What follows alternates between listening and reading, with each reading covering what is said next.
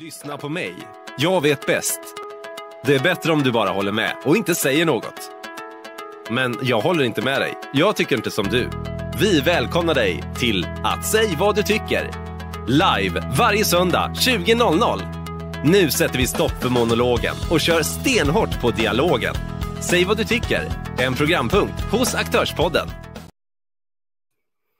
Sådär. Varmt välkomna Sverige. Jag heter Johan Mårtensson i alla fall och vi sitter här på världens bästa Flora Workspace i centrala Göteborg. Om man inte varit här så tycker jag man ska ta sig tiden och eh, besöka det. Men jag är inte själv. Jag har med mig Vincent Nordgren heter jag och vi har ju verkligen laddat för ett avsnitt här. Eh, och vi ska prata företagande då och då har vi med oss helt rätt person. Vi har ju äran att kunna presentera Günther Mårder. Varmt välkommen Günther! Stort tack!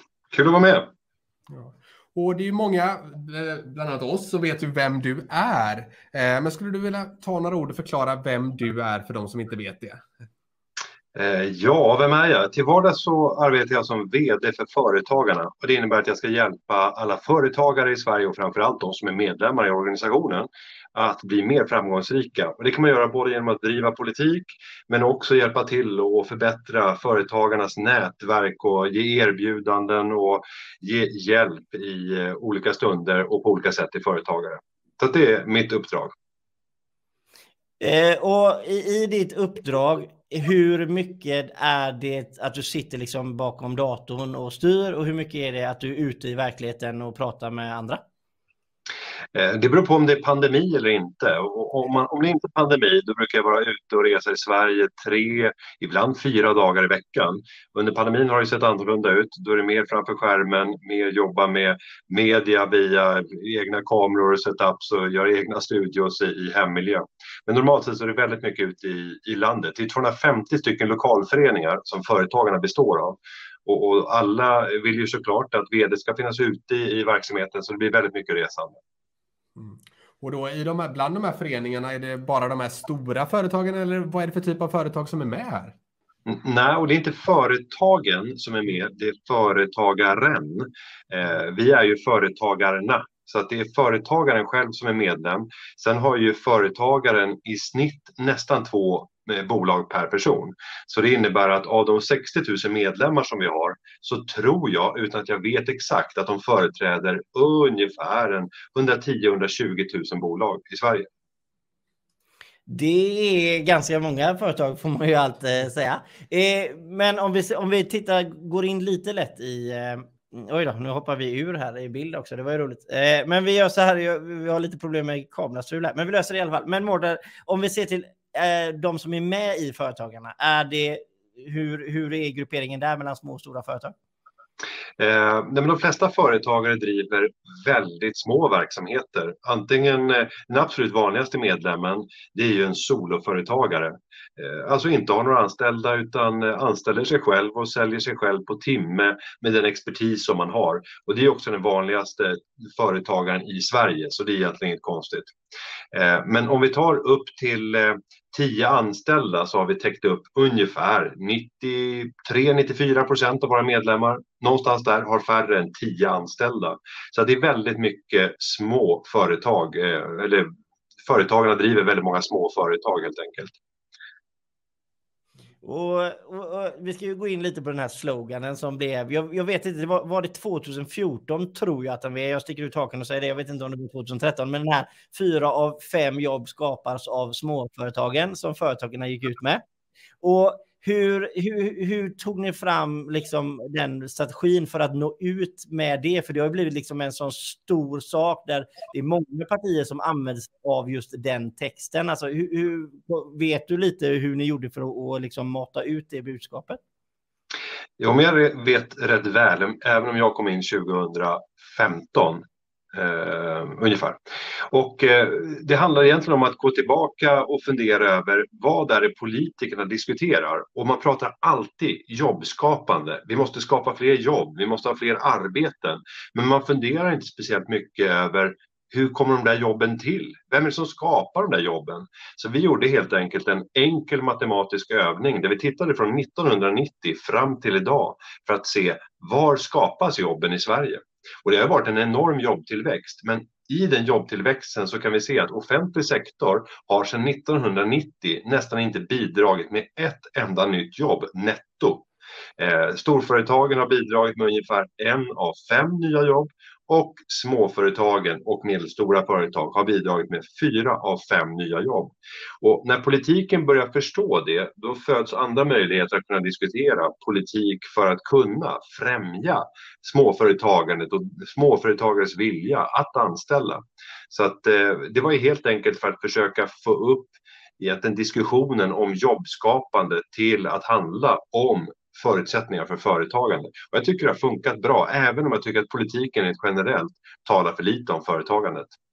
Mm. Ja, men det är någonting som är verkligen, eh, jag sätter, du tryck, eh, trycker på rätt punkter där, att man pratar om eh, jobbskapande, att politiken inte tar upp det tillräckligt mycket heller. Jag tänker kopplat till pandemin nu så har vi sett eh, vissa sektorer som har gått betydligt mycket sämre. Andra sektorer har faktiskt fått ett uppsving under covid, eh, men Eh, generella trenden är att företagare har haft det svårare nu. Eh, och samtidigt så ser vi att inflationen har växt och att vi ser att eh, arbetslösheten har kommit ner till ungefär samma nivå som eh, tidigare innan pandemin. Men i och med den ökade inflationen som man brukar korrelera mot eh, arbetslöshetssiffror och sånt också. Hur ser du på framtiden just gällande jobbskapande och vilka branscher tror du kommer vara kommer eh, bidra med fler nettojobb här i det korta perspektivet?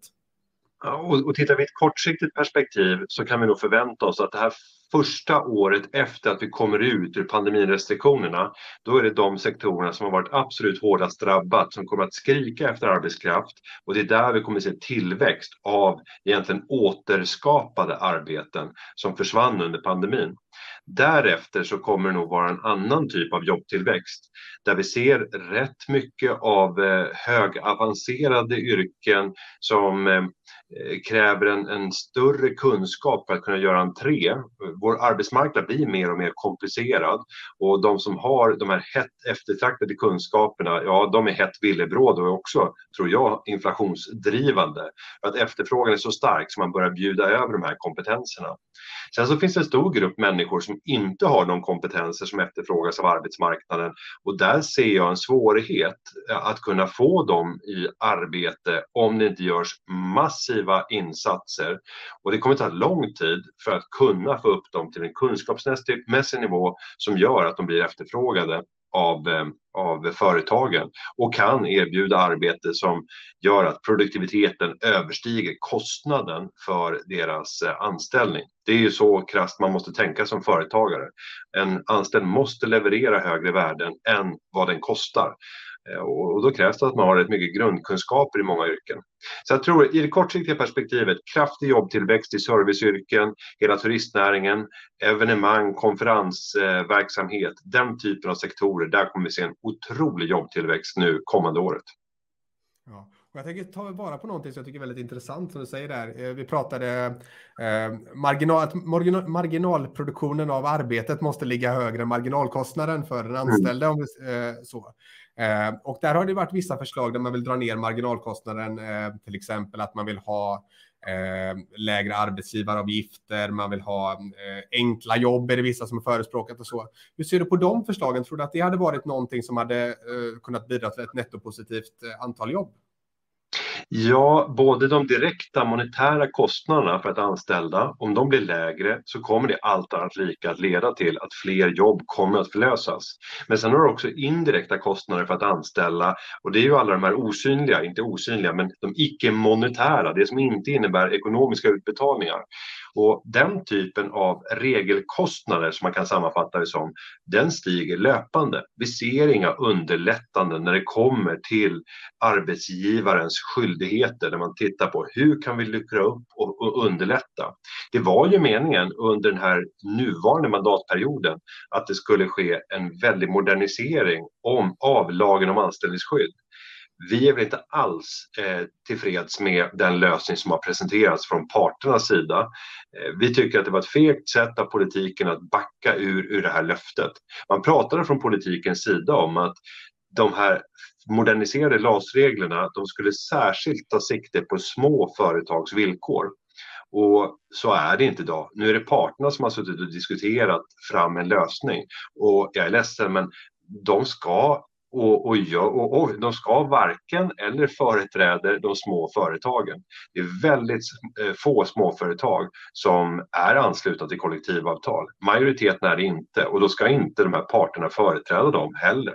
Och det har de inte gjort heller. Så att eh, de har helt uteslutits ur den, den eh, diskussionen. Vilket är tråkigt, för det var det som var löftet från politiken när man ingick det avtal som la grunden för regeringsmöjligheten för Socialdemokraterna. Mm. Och då finns det egentligen två frågor som jag skulle vilja ställa som följdfrågor. Dels så är det ju den kanske mer uppenbara frågan eh, kopplat till vad är det i den här uppgörelsen som man är extra missnöjd med eh, kopplat till uppgörelsen. Men även då, eh, det finns ju olika nivåer av beslutsfattande. Eh, här pratar vi om det nationella, men även den europeiska har det varit mycket prat om att eh, där är regelkostnaden väldigt hög och att det finns eh, europeiska regler som ligger över svensk lagstiftning eh, gällande och speciellt då regelkostnader där, där man har pratat om regelunderlättning. Sker det något på europeisk nivå för eh, regelunderlättning för småföretagare? Nej, tyvärr inte. Snarare tvärtom. På europeisk nivå så vill man ju gå fram med vad man kallar en social pelare och där man vill göra olika typer av, eh, flytta över beslutanderätt på europeisk nivå. Det finns en fråga däremot där vi är mer neutralt hållna medan arbetsmarknadens parter, det vill säga både arbetsgivarorganisationer och fackliga företrädare, är kompakta motståndare. Eh, och det är frågan om införandet av minimilöner. Vi är, tycker att det någonstans är spännande att ändå ta den diskussionen om det skulle kunna innebära att vi skapar en högre transparens på arbetsmarknaden kring villkor eh, medan man från parternas sida är livrädda att förlora makt till lagstiftarna. Så att eh, där är vi rätt kluvna i förhållande även till arbetsgivarorganisationerna då vi tycker att ja, minimilönsfrågan kan vara fördelaktig för att på så sätt bringa större klarhet i vilka villkor som egentligen gäller. I Sverige har vi ju eh, i vissa lägen minimilöner reglerade, men då finns ju de i avtal som är svåra att överblicka och det är svårt för en vanlig människa att kunna ta del av den informationen som finns i avtalen. Mm. Ja, men jag vill hoppa in där lite. Just det här när det kommer till företagarna och de småföretagarna du träffar där ute i landet när det kommer just till anställning då att jag vet inte om jag vågar anställa. Vad är det då i lagen om anställningsskydd som behöver förändras för att de här företagarna ska våga, hör du? Jag tror att det skulle underlätta om man kände en trygghet som arbetsgivare att jag kan med enkelhet reglera mitt behov av arbetskraft i händelse av att förutsättningarna snabbt skulle förändras. Det finns ganska långtgående möjligheter för en arbetstagare att göra det och jag brukar säga så här att en arbetsgivare överskattar oftast arbetsrättens inskränkningar på dig som arbetsgivare medan en arbetstagare ofta överskattar skyddet som finns. Så redan idag så går det, men det finns en uppfattning som inte riktigt råder i paritet med, med den verkliga lagstiftningen som finns. Men det är klart, skulle vi börja titta på lättare att reglera eh, anställningen, det vill säga att kunna lätta när behov, när behov uppkommer så kan man eh, snabbt anställa för att sedan lätta på, på behovet när, när behov inte föreligger. Eh, det finns stora möjligheter idag, men det upplevs som svårt och det upplevs som riskabelt. Man säger nästan alltid upp på personliga eller på eh, arbetsbrist och inte på personliga skäl. Personliga skäl används nästan aldrig i Sverige. Och det finns ju bara två uppsägningsgrunder. Antingen så är det på grund av arbetsbrist eller personliga skäl.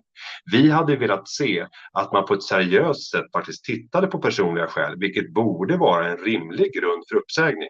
Jag kan ju tycka att det borde vara det absolut vanligaste, att det inte funkar. Det är en missmatch mellan individen och organisationen och så säger man upp på grund av personliga skäl.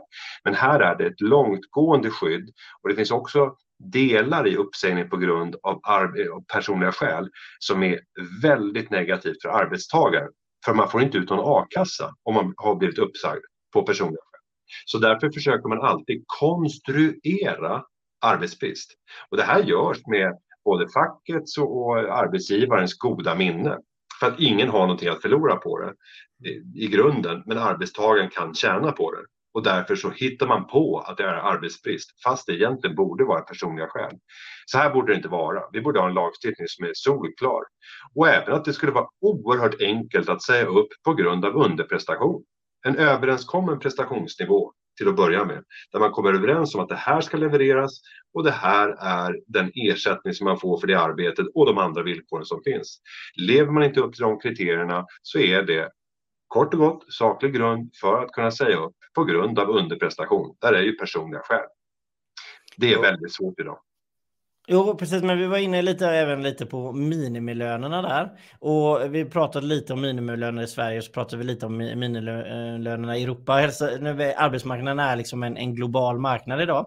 Hur, hur ställer sig företagen då till att om vi ska ha en minimilön men kanske landet bredvid oss inte har det, blir det olika konkurrensfördelar och nackdelar? Eh, hur ställer sig företagarna till det?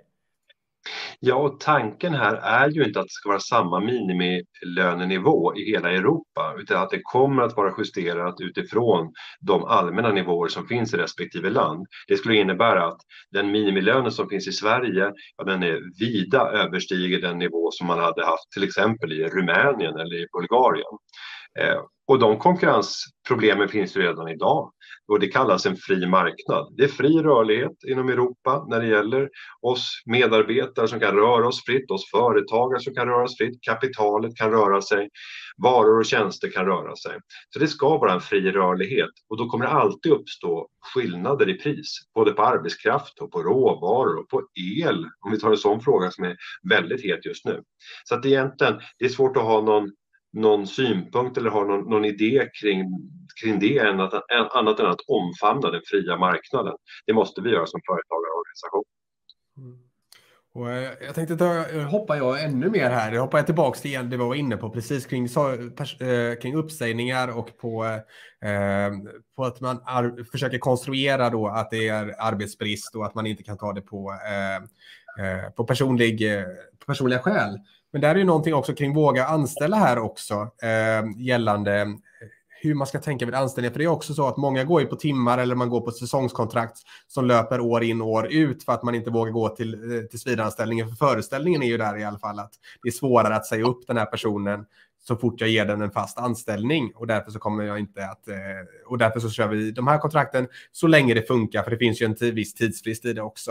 Eh, vad är din uppfattning där och hur mycket är uppfattningen förankrad i verkligheten kopplat till vad föreställningen är? Nej, men det, det, finns uppenbara problem. Om vi skulle ta en sektor och normalt sett så sker sådana här intervjuer med personer som är anställda på media. Eh, och skulle vi gå till SVT eller Sveriges Radio och så säger vi ordet utlasad och sen så säger vi att det är fika för att någon ska bli utlasad. Då är det ett vedertaget begrepp. Man vet att efter en viss period när den här tillsvidare, eller visstidsanställningen måste övergå till en, en tillsvidareanställning, ja då kommer personen att bli utlasad. Och så har man fika för personen och då får man flytta från Sveriges Radio till SVT för att man inte vill låsa in sig i en tillsvidareanställning. Det här tycker jag är så uppenbart tydligt att det är ett mycket stort problem. Här borde vi naturligtvis ha anställningsformer som gör det lätt att kunna reglera och som inte skapar suboptimeringar, för det är egentligen vad det handlar om. Att hålla på på det här sättet och dribbla medarbetare mellan olika typer av arbetsgivare eh, bara på grund av LAS-regler, det är inte rimligt. Så att det, det, borde vara väsentligt mycket lättare och det borde vara ett regelverk som är lättare för företagaren och arbetsgivaren att ta till sig så att alla vet vad som gäller. Och där skulle jag vilja titta på det, det danska systemet där man har vad man kallar flexicurity. Det är ett mycket större säkerhetssystem om du blir arbetslös. Så det finns en omställningsförsäkring som är väldigt generös i ett kortsiktigt perspektiv. Och det gör att det är lätt att om man blir av med jobbet så kan man ha en bra ekonomisk ställning och sen snabbt kunna söka sig vidare mot ett nytt jobb. Och, och får vi ett system där man istället är, är rädd för att förlora sin anställning och kramar sin anställning trots att man kanske inte trivs på jobbet eller är irrelevant, eh, ja då kommer det uppstå problem. För då blir det inte de resultaten som man skulle kunna åstadkomma om man faktiskt trivdes på jobbet. Men bara på grund av att man har det antalet år av anställning så blir man rädd att börja röra på sig på grund av att ja, nu är jag ju sist i kön om, jag skulle bli, om det skulle bli föremål för uppsägning här på arbetsplatsen. Det kan aldrig vara skäl. Det måste alltid bara vara kompetens som är grunden.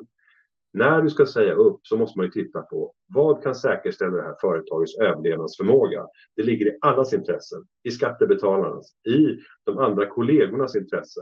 Och då ska du behålla de medarbetare som har störst förmåga att kunna få det här företaget att bli bärkraftigt och framgångsrikt över tid. Och då kan inte anställningstid överhuvudtaget vara en faktor i den delen. Om det är det och du får ett företag som inte är lika konkurrenskraftigt, då är vi alla förlorare på det. Inte ens den personen som på marginalen fick behålla sitt jobb kommer att dra fördel av det. För företaget kommer inte att få den bärkraft som skulle behövas. Så att eh, det är ett feltänk när man börjar titta på anställningstid som grund för uppsägningsordning. Eh, det, det, är ett feltänk i grunden. Det är inte så man skapar eh, bärkraftiga och framgångsrika företag. Jag snöar in lite här också, så jag tycker det är ett väldigt intressant ämne, så jag eh, snöar in på kanske lite, lite väl specifika frågor, men jag kommer att köra på det ändå, för att för, om inte tittarnas intresse, i alla fall mitt eget intresse. Och där är ju kring den danska modellen, där man pratar just om det här generösare eh, systemet i en kort eh, kortfristig period helt enkelt för att tanken är att man ska söka jobb mer intensivt och få ett jobb tidigare. Det finns ju många som kritiserar det här då över att man inte har den här längre tidsperioden och att man blir utförsäkrad eller vad man nu väljer att kalla det eh, efter den här. Hur skulle du eh, eh svara på det då om man skulle förespråka en sådan modell?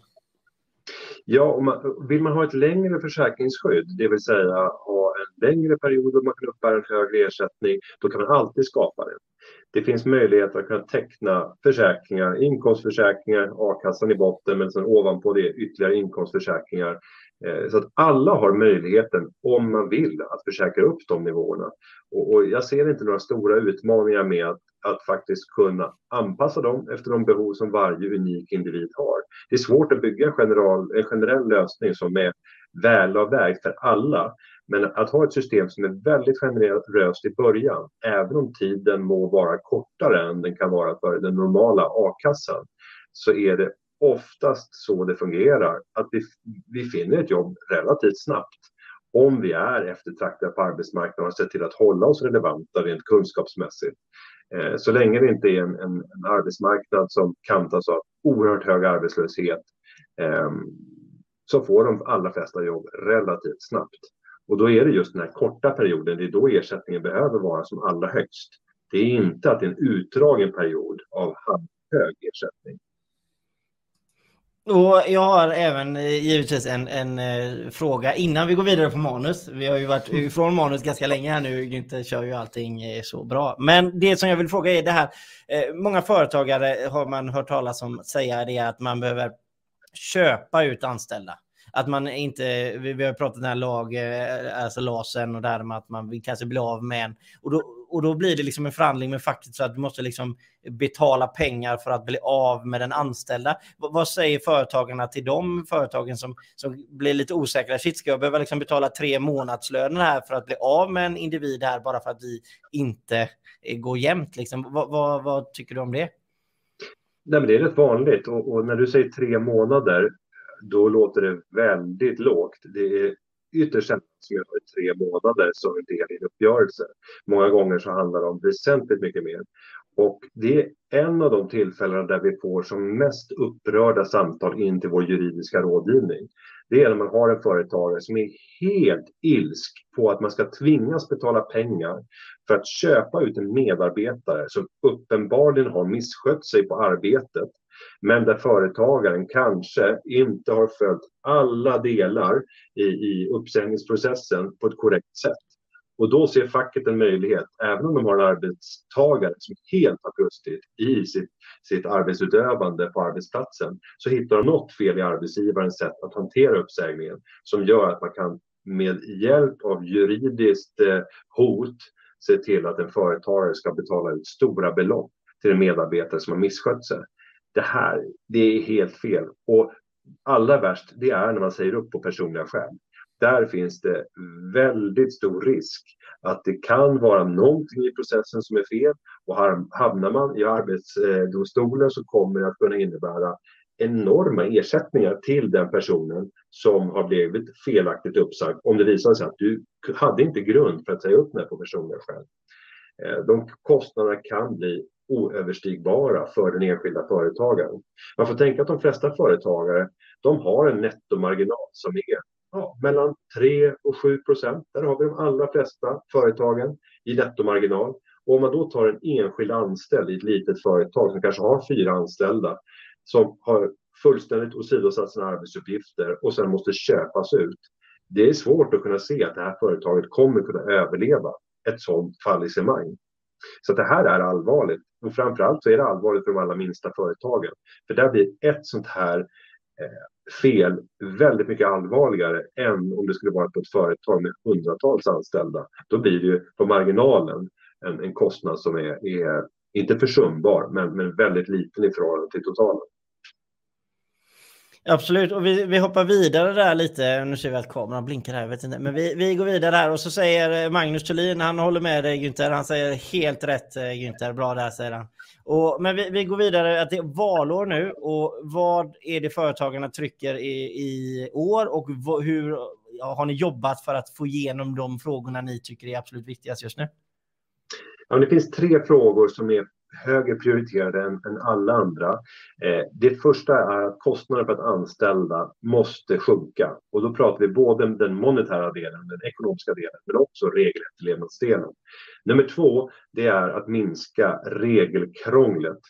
Eh, vi, och det där blir ju ganska brett och det är svårt att ta på, men vad är regelkrångel? Och då kan man gå in och titta på Tillväxtverket som varje år mäter hur mycket tid lägger företagare på att administrera regler som är satta av offentligheten.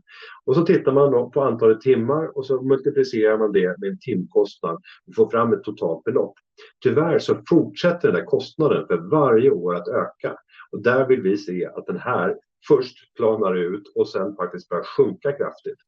Nästa del, det handlar om entreprenörsskatterna. Vi måste få system som ännu bättre manar till det risktagande vi vill se i samhället av enskilda individer som står beredda att offra sin egen privatekonomi, sin egen tid som man hade kunnat lägga på annat arbete och få lön. Det vill vi att människor ska lägga på att förverkliga idéer som kan skapa lösningar i samhället. Och det kallas ju företagande. Och om man lyckas med det företagandet så måste det finnas någonting på andra sidan som gör att det är väldigt kantat av en belöning för all den risk som du har tagit. Tyvärr så hör vi ju Magdalena Andersson i hennes tidigare roll som finansminister ofta prata om att vi måste höja skatten på entreprenörskap genom att förändra 3.12-reglerna. Och då har man liksom inte riktigt förstått vad det här handlar om. Hon vill ofta likställa företagare med Eh, anställda och tittar på motsvarande lönenivåer utan att fundera över vilka risker är en företagare bär. Och, och, det måste vi försvara. Så det här är de frågorna som vi har inför valrörelsen. Sen fattar vi att det här kommer vara jättesvårt att få upp de här frågorna på agendan. För det som kommer dominera, det är brott och straff, det är invandring och integration, det är vården, det är skola och på marginalen kanske energifrågor. Där har vi de frågorna som kommer finnas på agendan. Och då måste vi istället titta på företagarperspektivet på de frågorna och säga på vilket sätt kan företagare och företagarna hjälpa till att hitta lösningar på de problemen som man kommer att debattera i den här valrörelsen. Och där kan företagare göra väldigt mycket. Företagare ligger till grund för eh, majoriteten av skatteintäkter som finansierar välfärden. Så utan framgångsrika företag så kan vi inte ha en skola som vi satsar mer på. Vi kan inte satsa mer på vården. Vi kan inte lösa brottsligheten för det behövs ordentligt med resurstillskott till alla instanser i kedjan. Eh, så att jag tror någonstans att vi, vi får väl acceptera att valrörelsen kommer handla om andra frågor än vad vi hade velat. Då måste vi ta sekundärturer för att ta oss in i de frågorna för att bli relevanta i de sammanhangen. Och om vi var ju mycket nationell politik där också. Både Johan och jag kommer från Lerums kommun eh, och eh, där pratar vi mycket rent, tryggt och snyggt på gatorna så att man ökar attraktiviteten för de lokala företagarna. Man vill gå in, man känner sig trygg i eh, samhället och så och att det bidrar till eh, positivt att man handlar i de butikerna för man känner sig trygg att gå i köpcentrum och så vidare. Vilka skulle du säga de absolut viktigaste lokala frågorna för de lokala företagen, företagen ur ett lokalt eh, perspektiv som man kan göra som lokalpolitiker eller regionspolitiker? Och det skiljer ju jättemycket åt från kommun till kommun. Men om jag ska ta någonting som nästan alltid åter, återkommer så är det eh, tillstånd och tillsynsärenden. En modell som vi alltid förespråkar det är att i alla de delar där kommun har en tillsyn över olika tillstånd som man har utfärdat, ja då ska man ta betalt efter att man har genomfört en tillsyn. Inte regelmässigt varje år utan att det sker någon tillsyn. Ingenting kan få en företagare mer förbannad att betala en avgift för att inte få någonting tillbaka. Så det är en enkel modell att faktiskt bara vända på kuttingen och säga att men vi tar betalt när vi har varit ute på tillsyn. Och då skapar man också rätt drivkraft att kommunens tillsynspersoner faktiskt beger sig ut och börjar bedriva en tillsyn. Nästa del det är servicenivån på alla de kommunala, eh, hos alla de kommunala tjänstemän som är satta att serva ja, både medborgare i kommunen men, men också företagarna på kommunen.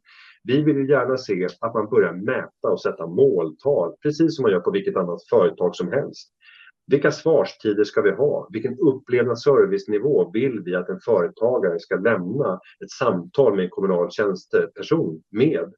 Vad ska vi ha för väntetider på till exempel en bygglovsansökan eller om man ska söka ett serveringstillstånd? Ska vi ligga i topp i Sverige eller ska vi ligga i, är det okej okay att vi ligger i botten eller ska vi ligga som en medelmåtta? Titta på kostnaderna för olika typer av ärenden. Ska ett bygglov eller ett utskänkningstillstånd eller ett miljötillstånd kosta mer eller mindre i vår kommun? Varför ska det göra det? Och sen vill, vill vi gärna se att man har en näringslivsenhet med en stark ledare som också får ett mandat att kunna ta ett helhetsgrepp om näringslivsfrågorna. Och gärna att man tänker tanken en väg in. Det är det många kommuner som jobbar med. Att man som företagare kan ringa in till en tjänsteperson som sitter på näringslivskontoret och sen kan den personen hjälpa till att slussa till alla de olika instanser som du behöver för att lösa ditt ärende. Du kanske ska flytta ditt företag med någon typ av eh, miljöfarlig process i din tillverkning från en kommun till en annan. Eh, ja, då är det ganska mycket. Det är etableringsfrågor, det kanske är mark, det kanske är bygglov, miljötillstånd. Det finns en rad olika ärenden och alla hanteras då kanske av olika tjänstepersoner.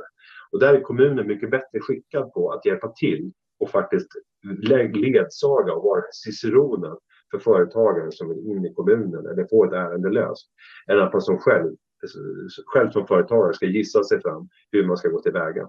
Så servicenivå, enkla vägar in och att se till att börja mäta både kvalitet och kostnad på de serviceärenden som vi har i kommunen. Det ska lyftas som några av de generella och viktiga frågorna på kommunal nivå. Men om vi hoppar tillbaka, vi är på kommunal nivå, men då tänker vi företagarna på kommunal nivå, alltså på de olika orterna företagarna finns. Vad är liksom, vad kommer det jobbas med liksom kommunalt nu inför, inför det som kommer i framtiden här nu? Covid är borta. Vad känner du kommer vara de starkaste punkterna man behöver trycka på lokalt hos företagsföreningarna?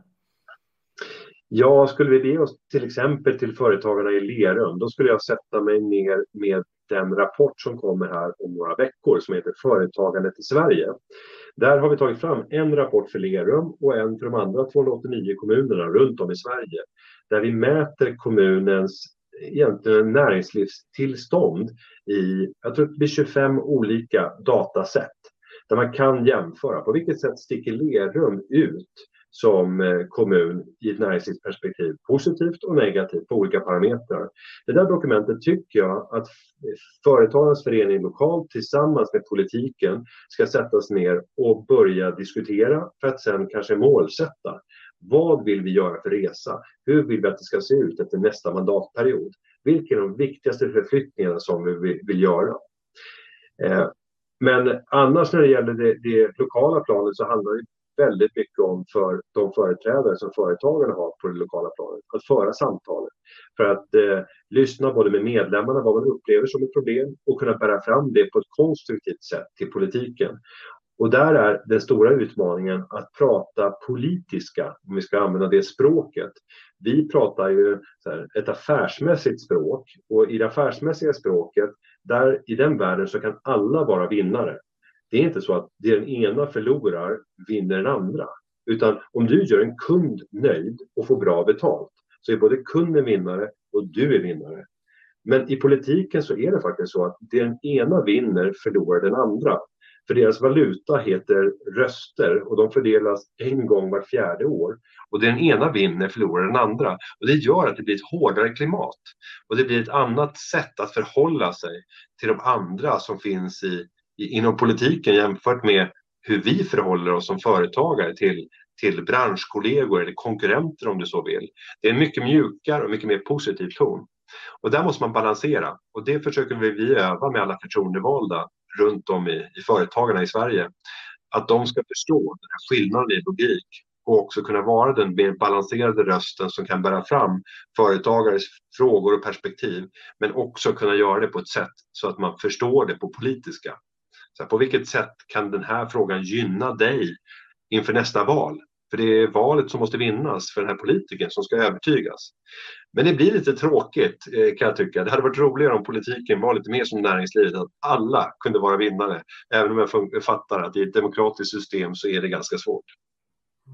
Det är lite roligt att vi pratar i just Lerum nu för att vi ser ju att vi har ju Lerums kommunstyrelseordförande med oss här också som säger att härligt att se gubbar. Och sen har han en till kommentar här. Eh, du borde besöka politiken i Lerum, Günther. Vi har ett fint samarbete med oppositionen i näringslivsfrågorna. Och där tänker jag, jag ta upp bollen också, för det var det jag skulle gå in lite på. Eh, när vi har pratat med företagare mycket i Lerum så har de sagt just det att det är viktigt att oppositionen och majoriteten då, för att ta de två eh, ytterligheter, eller två ytterligheter, för att ta de två sidorna, att de är överens också, att det inte blir tvära kast. Hur ser, det, du ser, hur ser du på det, att eh, det ska finnas ett bra samarbete i alla fall? Överens kanske är fel ord, men att det finns ett bra samarbete mellan opposition och eh, majoritet? Man kan ju kalla det breda överenskommelser. Så antingen så nyttjar man den styrka som man har just under den här mandatperioden då man råkar ha fått majoritet. Och sen använder man den maximalt för att föra det i en extrem riktning för de tankar som vi har. Eller så tittar man på oppositionen och har respekt för att ah, om vi skulle titta var åsikten i kommunen någonstans befinner sig så är den nog här mittemellan. Bara för att den, den ena eh, gruppen av partier råkade få 51 procent och den andra 49 så betyder inte det att alla vill ha det där extrema läget. Så det bästa man kan göra tycker jag som kommunalpolitiker och regional och rikspolitiker det är att leta efter vad har vi för minsta gemensamma nämnare. Vad kan vi träffa för breda överenskommelser som inte kommer att ruckas på efter ett val? Och det skapar ofta eh, lösningar och uppgörelser som ligger närmare den, den mentala viljan hos de som du ska serva, det vill säga befolkningen eller medborgarna.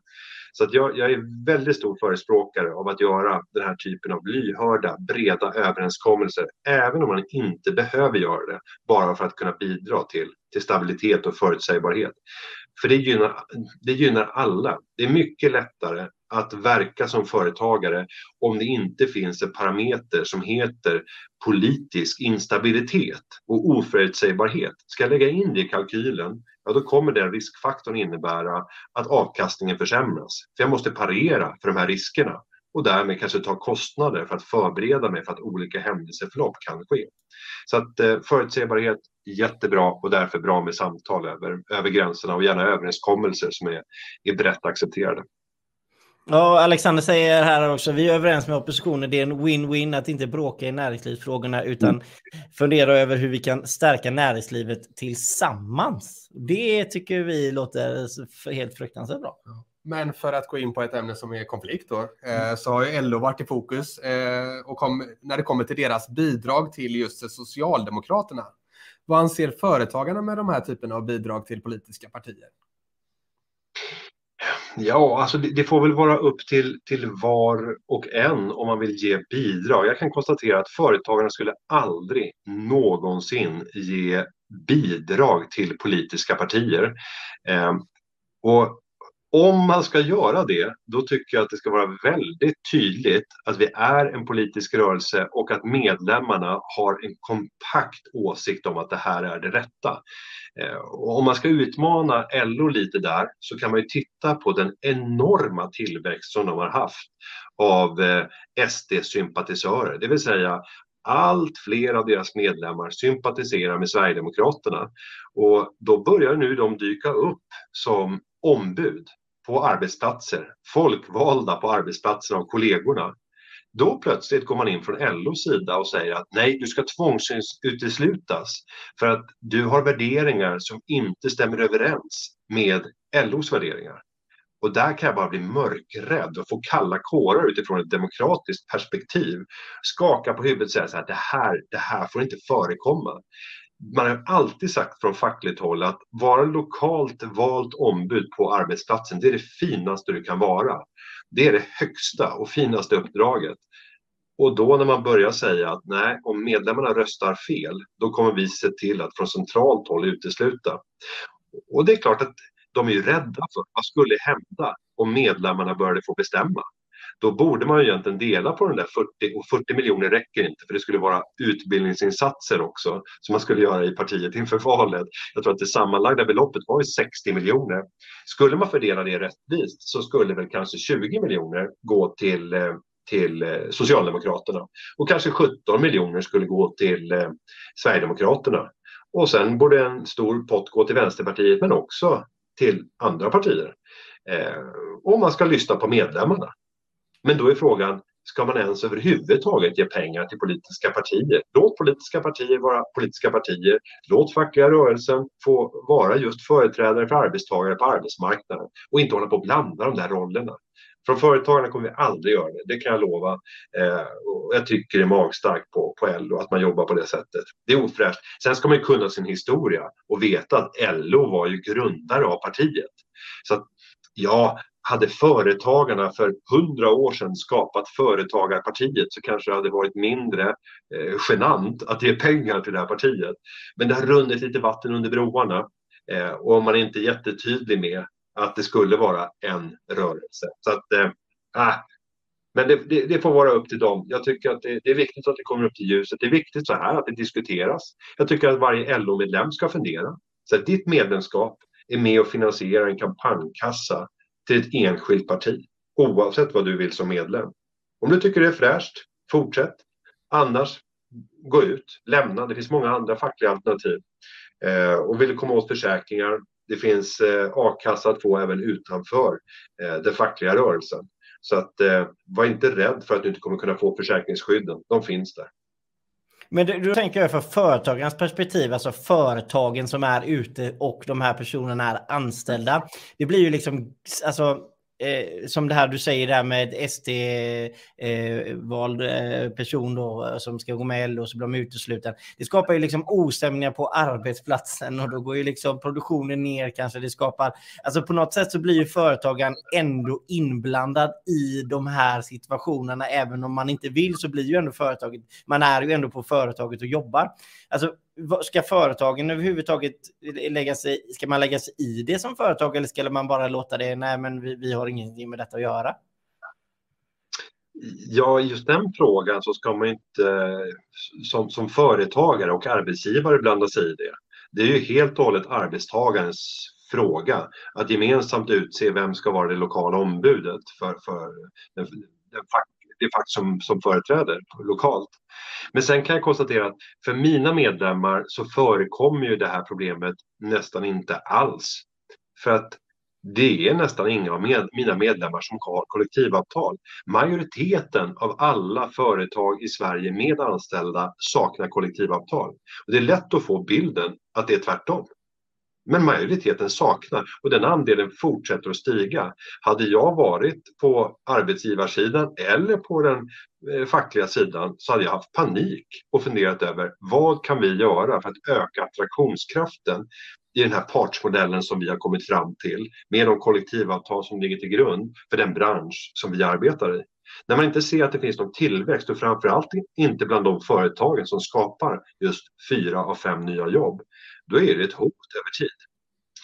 Så att eh, jag tror att man skulle behöva gå in i, i verkstaden, precis som vilken annan småföretagare som helst som ser sin tjänst eller produkt kraftigt tappa efterfrågan. Gå in i verkstaden och fundera över vad kan jag innovera? På vilket sätt kan jag göra skillnad? Jag vill ju underlätta för arbetstagare och arbetsgivare i det förhållandet som skapas. Vad kan jag göra för att underlätta det och öka efterfrågan på den tjänsten som i det här fallet heter kollektivavtal? Det vore fantastiskt. Men tyvärr så kan jag inte se något sådant innovativt arbete. Nej, nej, absolut. Ska vi se, nu har Alexander eh, skrivit ett jättefin kommentar här igen. Problemet är väl snarare att S-toppen och toppen i LO är beroende av varandra för att bihålla makten i sina respektive organisationer. Vad säger du om det, Günther? Ja, men om vi tittar på Löfvens regeringar, han hade väl, det blev väl tre egentligen eftersom han blev, fick komma tillbaka en gång. Men det var fem stycken ministrar som alla hade varit den högsta fackliga företrädaren. Alltså, hur många har varit den högsta fackliga företrädaren i ett fackförbund? Det är ett av Sveriges mest, mest ovanliga yrken. Men ändå så är det här ovanliga yrket det absolut vanligaste yrket om man ska vara minister i Sverige. Och vi ser liknande tendenser även om vi tittar på Magdalena Anderssons regering. Under Löfvens tid så hade vi noll personer, jag säger igen, noll personer som hade drivit eget företag och försörjt sig som egna företagare. Ingen minister hade den erfarenheten. Nu i Magdalena Anderssons regering så har vi faktiskt en eh, Khashayar Farmanbar som är energiminister och, och, digitaliseringsminister, han har under ett antal år försörjt sig som företagare. Jag tycker det är fantastiskt.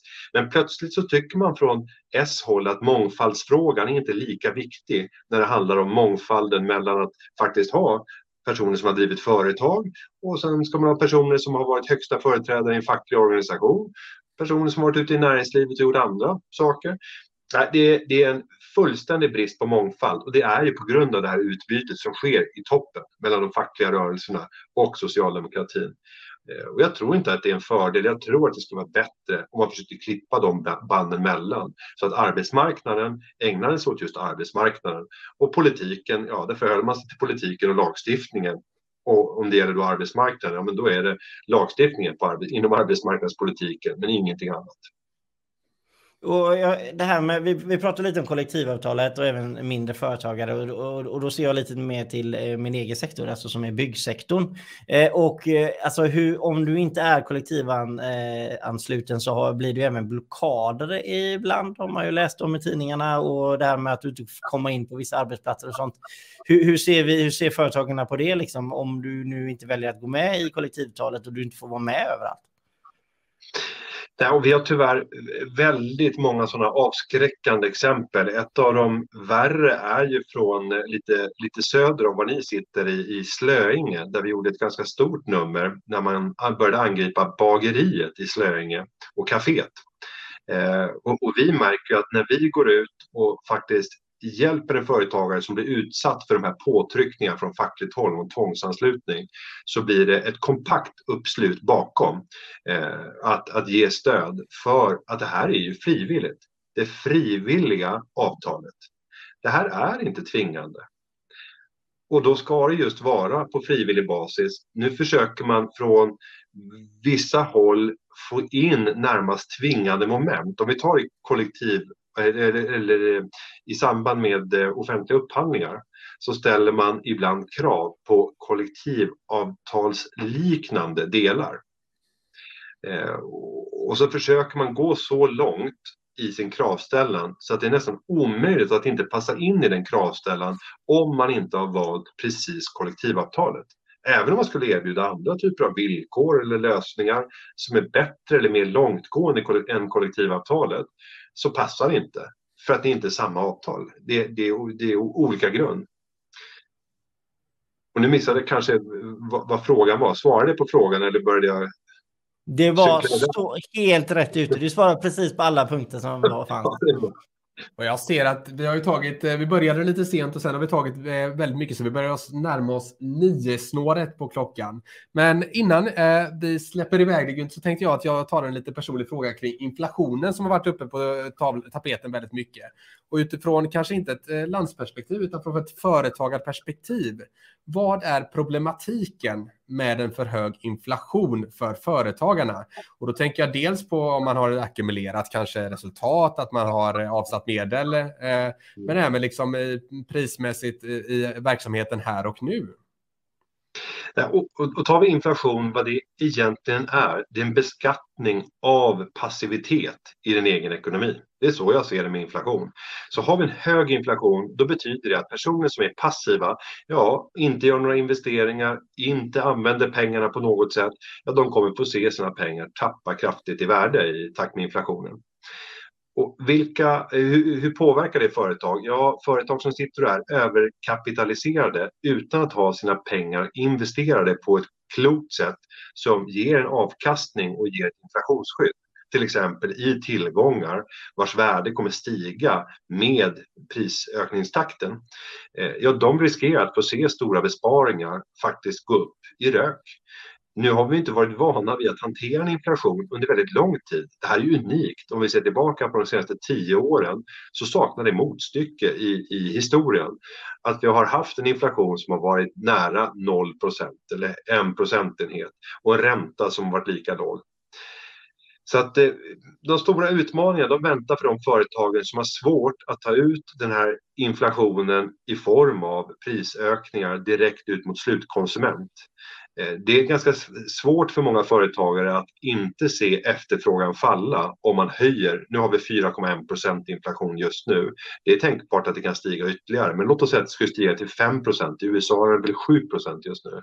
Men att höja priset 7 procent och tänka att det inte ska få konsekvens på försäljningen. Ah, det är inte så många företagare som har den lyxen. Har man den lyxen, då är man ganska inflationsskyddad. Har man den inte, ja, då måste man sannolikt vidta åtgärder för att öka sin konkurrenskraft. Ehm, och det kommer vara utmanande. Vi kommer få se en, ehm, en lönerörelse nu där det kommer ställas ganska hårda krav på att justera redan ingångna avtal. Eh, de flesta avtal är ju faktiskt tvååriga nu, vilket gör att man förhandlade både för förra året och i år samtidigt. Men då var det en rätt låg löneökningsnivå. I flera avtal typ 1,8 procent löneökning i år. Och det betyder ju att du får en lönesänkning på ja, 2,3 procent om du följer den uppkom, det, det, det uppgjorda avtalet. Och det är väl det enda rätta. Att inte förhålla sig till avtalet. Det hade väl aldrig hänt någonsin att, låt oss säga att det var högre inflation året innan. Och så förhandlade man fram ett avtal som var tvåårigt. Och sen så kommer man till arbetstagarna och säger att nej, nej, nej, nej, det där avtalet kan vi inte hålla för då har inflationen gått ner. Det hade aldrig hållit. Och då ska vi ställa oss frågan, ska vi göra justeringar nu den här gången? Och justera upp det mot 4 procent? Jag tror att det skulle verkligen vara att elda på inflationen.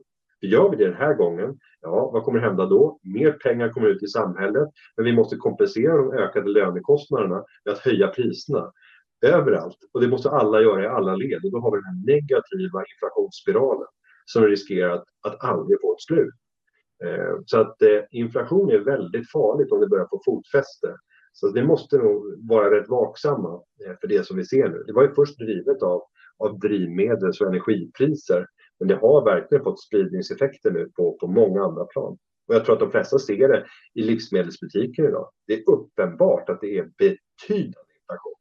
Jag tror aldrig jag varit med om ett år då jag har sett så stora prisökningar. Och nu är jag en prisjägare av rang, så jag, jag, jag, kollar ju verkligen på priserna. Men på kaffe, det är horribelt nu. Alltså vi, vi, även när jag handlar till rabatt så är det ja, 26-27 kronor för ett paket kaffe. Och jag ser att samma paket kaffe om jag går till en annan butik går på 57 kronor. En vanlig Gevalia eller Arvid Nordqvist eller Zoega. 57 kronor och då är det inte hög det, det är inte snabbshoppen utan det är en vanlig butik. Mm. Jag vill hoppa in Günther och ställa också en personlig fråga som jag, alltså många gånger, jag har haft mycket diskussioner om i, i mina sociala medier. Eh, det har ju med arbetsgivaravgiften att göra. Och då vill jag ställa frågan till dig, alltså, eh, nu, nu snackar vi väldigt, väldigt många hundra miljarder i skatteintäkter som arbetsgivaravgiften bringar in till statskassan. Men alltså, jag är ju mer förespråkare för att ska vi kunna hålla oss konkurrenskraftiga, som du förstår vad jag diskuterar från, så ska vi hålla oss konkurrenskraftiga globalt så måste vi på något sätt kunna sänka kostnaderna också för att anställa. Så att jag tycker att man ska titta på arbetsgivaravgiften i en helhet. Vad tycker du? Vad tycker företagen om arbetsgivaravgiften? Mm. Nej, vi tycker generellt sett att det behövs sänkningar. Vi har tagit två, fram två stycken rapporter under fjolåret. En som handlar om de ekonomiska delarna och en rapport som handlar om de indirekta kostnaderna för anställda. Och där kan man få fördjupade resonemang kring vad vi tycker att man kan göra både i ett kortsiktigt och i ett långsiktigt perspektiv. Men helt klart är att arbetsgivaravgifterna har varit väldigt lätt att genom åren bara skruva på och höja skatten på. För man förlorar inga val på det. De flesta människor ser inte att arbetsgivaravgiften höjs. Och om vi ser till den allmänna löneavgiften så har det kommit att bli en eh, betydande extra skatt på arbete. Vi har aldrig haft en så stor del av andelen av arbetsgivaravgiften som faktiskt inte motsvaras av någon typ av försäkringsskydd eller socialt försäkringsskydd. Eh, utan det blir en extra skatt på arbete. Så det första man skulle kunna göra om man vill driva lite opinion kring det är ju att från politiskt håll döpa om arbetsgivaravgiften där man har en som heter socialförsäkringskostnad. Och där finns pensionen, där finns hela socialförsäkringsskyddet. Och för det som inte ryms inom det så kallar man det en särskild extra skatt på arbete. Och så läggs det till på lönespecen. Så att man får igång den folkliga opinionen. För när folk säger vad de tjänar så pratar man ju aldrig om arbetsgivaravgiften inkluderad i sin lön. Även om det är en bärande kostnad.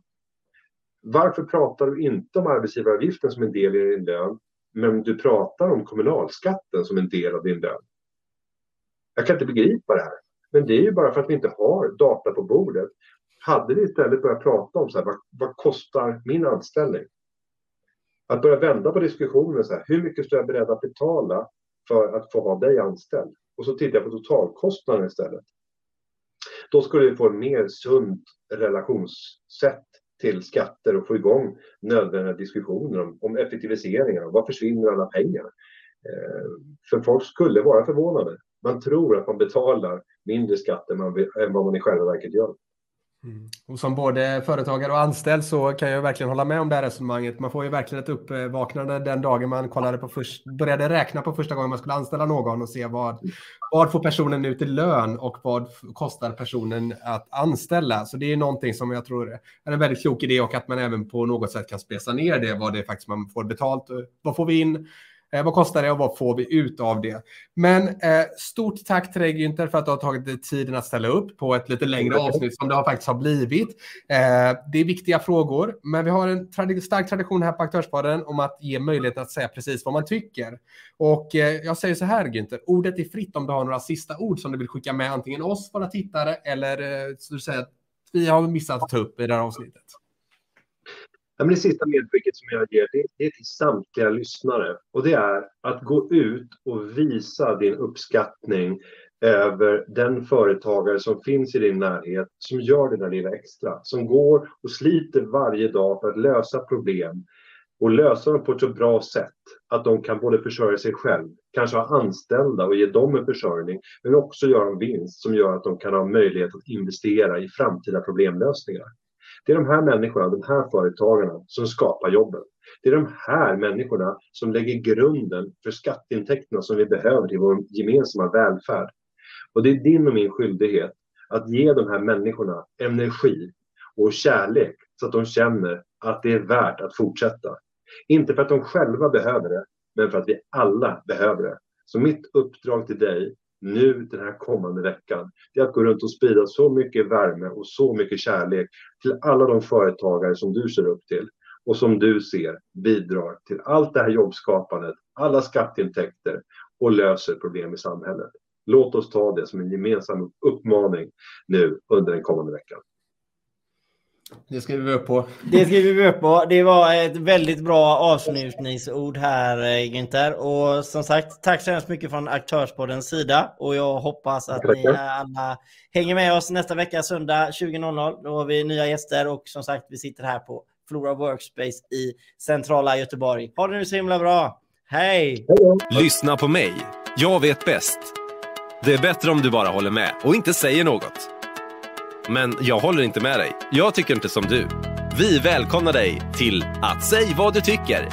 Live varje söndag 20.00. Nu sätter vi stopp för monologen och kör stenhårt på dialogen. Säg vad du tycker. En programpunkt hos Aktörspodden.